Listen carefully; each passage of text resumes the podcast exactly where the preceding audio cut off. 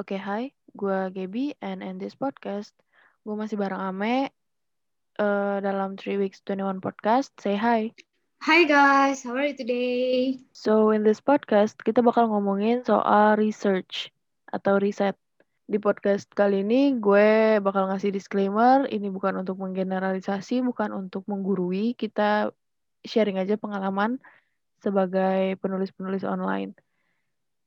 So ya kita kayaknya nggak butuh warning di sini. Kita mulai aja sekarang. Orang-orang kan penulis online nih masih sangat tidak peduli dengan riset ya kan. Kayak ngapain sih ada riset? Mereka tuh masih sangat mengentengkan. Nah, Ame bisa tolong jelasin nggak sih pentingnya riset tuh bagi lo apa? Kalau buat gue ya, pentingnya riset itu adalah plausibilitas atau sesuatu hal yang bisa dipercaya atau dapat dipercaya dalam konteks fiksi buat gue itu uh, tulisan lo itu harus berlogika dari awal sampai akhir. Nah, untuk mendukung logika atau agar pembaca lo bisa mempercayai tulisan lo, ya butuh riset. Kalau lo ambil latar di London, lo harus riset tentang London. Lo harus tahu gimana hidup orang-orang di London. Lo harus tahu kebiasaan-kebiasaan orang London. Karena lo nggak bisa membangun situasi, suasana dalam sebuah cerita tanpa riset. Uh, untuk membangun sebuah emosi buat gue, gue butuh riset untuk uh, biar pembaca gue bisa merasakan suasana dan lain-lainnya. Itu sih pentingnya riset buat gue. Kalau buat lo sendiri apa pentingnya riset, Deb? Kalau gue, uh, karena gue itu kan susah ya untuk mengekspresikan emosi. Jadi kayak gue biasanya untuk beberapa emotion atau perasaan-perasaan yang orang rasakan tapi gue belum merasakan, gue harus research hal-hal kayak gitu. Kayak contoh gampangnya, gimana sih orang bersikapnya kalau misalnya dia uh, jatuh cinta misalnya. Uh, apa yang terjadi, perubahan-perubahan pada fisiknya. Misalnya ngomong sama orang yang disuka, ntar gimana, telinganya merah kah atau uh, matanya terlihat lebih apa ya bling bling atau gimana itu kan ada. Nah jadi untuk membuat cerita gue lebih relatable di pembaca pembaca gue gue harus riset banyak gitu loh. Nah riset riset yang baik menurut lo kayak gimana sih? Kayak gimana sih caranya kita riset? Oh, kalau buat gue sih yang pasti lu nggak harus sebenarnya semuanya riset ya. Kayak misalnya lo ambil contoh tadi aja riset tentang London, lo harus riset semuanya mua-muanya tentang London tuh yang enggak juga gitu loh. Misalnya lo cuma ambil satu kota London, udah terus lo lihat lo nggak harus hafalin besar London gimana dan lain-lain tuh lo. Lo cuma cukup uh, suasana London gimana, penggambaran tentang London gimana. Lo bisa fokuskan uh, riset lo ke orang-orang London, kebiasaan orang London, udah gitu aja gitu loh Uh, itu menghemat waktu lo, lo bisa langsung mulai project lo, jadi lo nggak terlalu berlama-lama uh, di riset.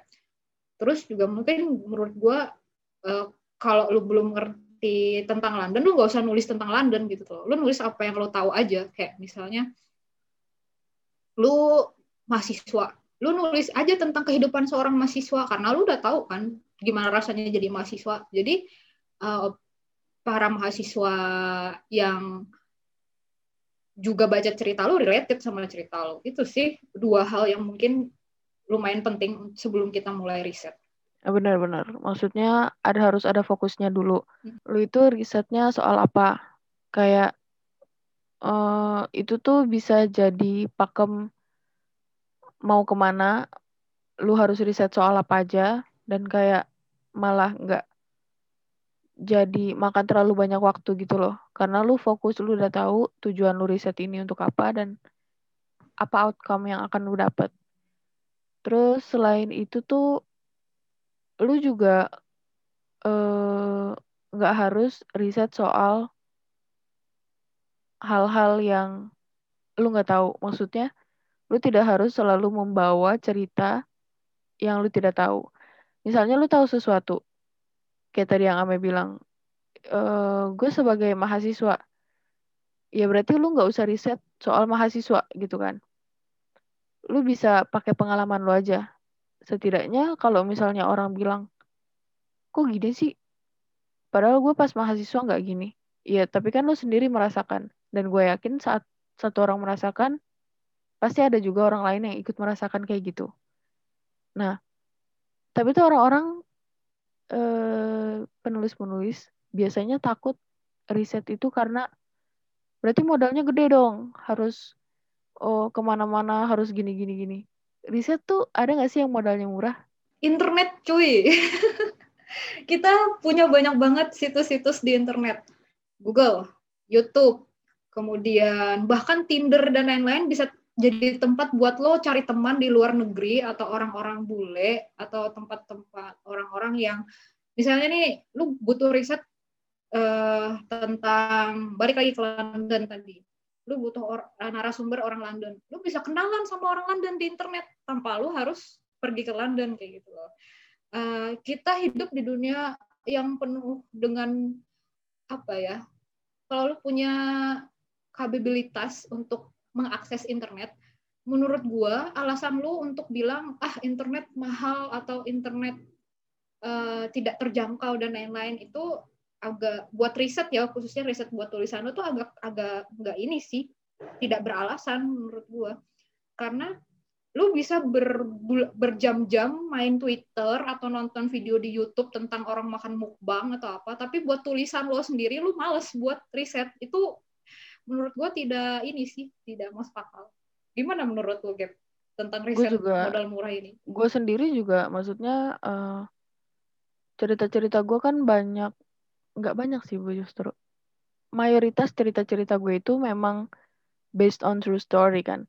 Jadi kayak apa hmm. aja yang gue alami apa aja yang gue ketemu selama di hidup gue tapi untuk hal-hal yang gue butuhkan riset ya gue as you know gue nggak pernah keluar rumah gue males banget keluar rumah.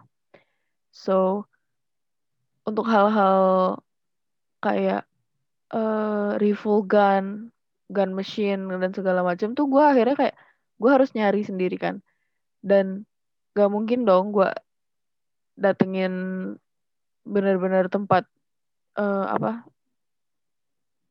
Bentar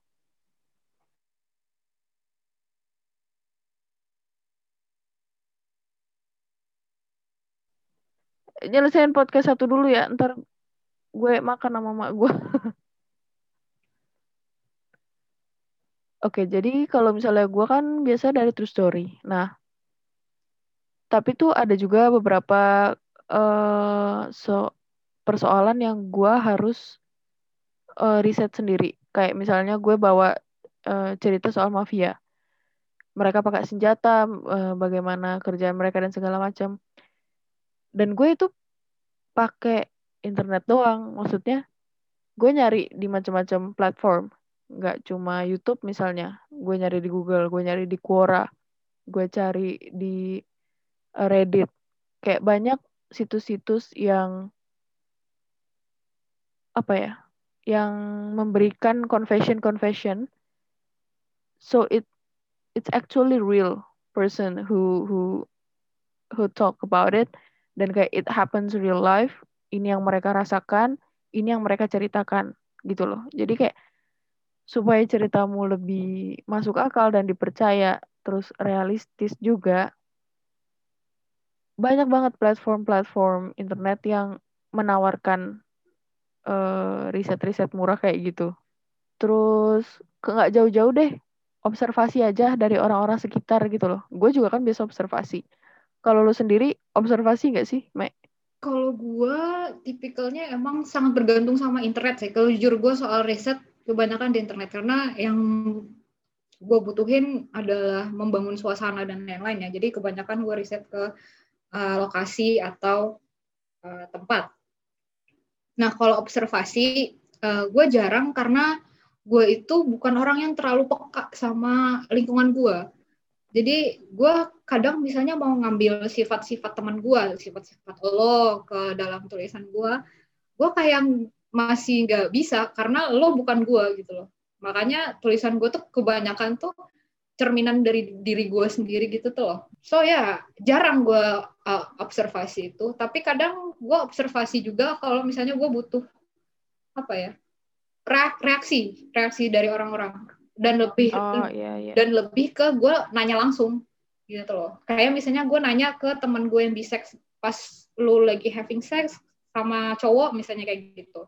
Lu gimana sih perasaannya? Uh, ini rasanya uh, begini gimana? Kayak gitu. Jadi gue nanya langsung. Kayak lebih bukan ke observasi tapi lebih ke apa ya narasumber lah nanya tanya oh soalnya kalau gue lebih ke observasi kan. Jadi mm -hmm. kayak gue uh, silently observing everyone mm -hmm. kayak oh ada orang yang kalau di uh, situasi kayak gini kayak gini reaksinya. Oh ada orang yang kayak gini. Terus bagaimana mereka mengatasinya tuh beda-beda. Jadi kayak gue sangat sangat apa ya untuk karakter ya bukan untuk uh, riset-riset latar belakang dan segala macam gue tuh kayak nggak butuh banyak riset karena hidup gue daily aja tuh udah jadi uh, proses riset gue sendiri gitu kan Nah, kalau misalnya observing itu juga uh, ada plus minusnya ya menurut gue. Kayak misalnya lu kan uh, kalau observe orang atau observe tempat gitu, kadang tuh ada detail-detail yang uh, ikut ke bawah, ikut keliat gitu loh. Padahal sebenarnya tuh nggak penting untuk dimasukin ke cerita lo. Tapi karena lu sendiri ngerasa itu menarik, lu tuh jadi pengen kayak, ih, gue pengen nih masukin ini ke dalam cerita gue. Lu pernah gak sih sampai kayak gitu? Oh, kadang pernah sih. Pasti kayak misalnya kan gue, uh, gimana yang jelasinnya? Kayak gue itu kan sering pakai kayak indera penciuman, indera pendengaran, dan lain-lain. Kayak gue mencoba menjelaskan ketika seseorang di dalam situasi seperti ini, dia akan mendengar apa, akan mencium bau seperti apa, atau akan melihat seperti apa gitu. Jadi gue berusaha untuk tidak hanya menggunakan mata tapi indera-indera lainnya. Nah kadang saking overnya gue menjelaskan itu, menjelaskan suasana seperti itu, uh, pembaca gue tuh jadi kayak ini tuh, kayak terlalu too much information lah, ngerti gak sih kayak buat apa sih dijelasin tentang bau ini, buat apa sih yeah, dijelasin yeah, tentang yeah suara ini kayak gitu. You just need to say that oh ini lagi di konser gitu loh. Lu nggak usah jelasin sampai mm. sedetail bau keringat orang-orang dan lain-lain untuk menjelaskan kalau lo lagi di konser gitu tuh. Mungkin yeah. Kayak terdengar keren aja bau-bau keringat orang-orang kayak what for? sih gak sih? Enggak, kalau misalnya di cerita gue, soalnya gue kan bawa humor. Jadi kayak kadang tuh detail-detail yang kayak gitu itu adalah sumber humor gue. Jadi kayak gue sekalian riset yang kayak gitu, terus kayak hmm. hal-hal kecil yang membuat gue tidak hilang fokus itu jadi bahan humor gue. Jadi kayak untuk kalian yang mau nulis humor, detail-detail itu tuh penting karena hmm. kalian bisa nge-twist little little little details kayak gitu untuk jadi punchline kalian. Oh, mungkin itu kayak lu naruh Easter egg, Easter egg lu juga caranya kayak gitu ya, mm -hmm. kayak detail Gue naruh naruh gitu. Easter egg, Easter egg gue juga kayak gitu, kayak um, karena kan gue mm -hmm. kebetulan kan gue buat soal crime gitu kan, jadi kayak gue mau tahu kalau misalnya gue naruh mm. di sini, ada nggak sih orang yang juga sama pemikirannya kayak gue, mereka bakal fokusnya ke sana atau malah melewatkan hint-hint kayak gitu gitu loh. Jadi emang kayak kita emang apa ya?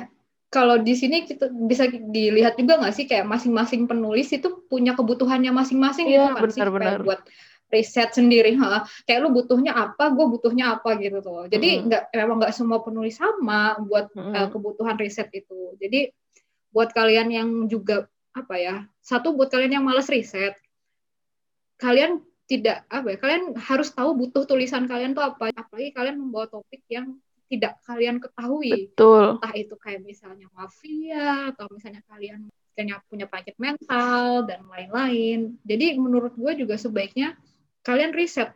Butuh sangat butuh riset untuk sesuatu yang akan kalian bawa di tulisan kalian gitu kecuali kalau memang kalian tipikalnya curcol gitu ya curcol dalam artian semua tulisan kalian adalah pengalaman pribadi kalian ya mungkin kan tidak perlu banyak riset gitu Tapi untuk yang pure fiction tapi membawa tema berat kayak Gaby mafia, gua yang dark dengan berbagai macam tema depres dan lain-lain seperti itu. Hmm.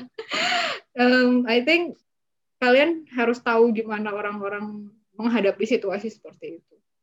Kalau tambahan dari gue atau conclusion ya, uh, kalau misalnya kalian ngerasa pengalaman kalian cukup banyak, kalian bisa nggak usah riset, pakai pengalaman aja, tapi jangan melenceng keluar ke hal-hal yang tidak kalian riset atau tidak mau kalian riset karena males mungkin atau kurangnya waktu. Soalnya uh, kalau sekali aja udah melenceng tuh biasanya ujung-ujungnya bakal melebar. Banyak hal-hal jadinya yang kamu masukkan tapi tidak di riset. Dan itu kayak menurut gue hmm, bukan tidak bertanggung jawab sih. Mungkin lebih ke uh, sebaiknya tidak karena uh, menyakitkan mata dan otak para pembaca yang misalnya tahu kalau misal tulisan lu itu jadinya tidak realistis. I'm going to end this podcast. So, yeah, if you want to check Ame's work, I will link her Twitter in the description box below. And that's it for research. Thank you for listening. Bye bye. Bye bye, guys. See you later.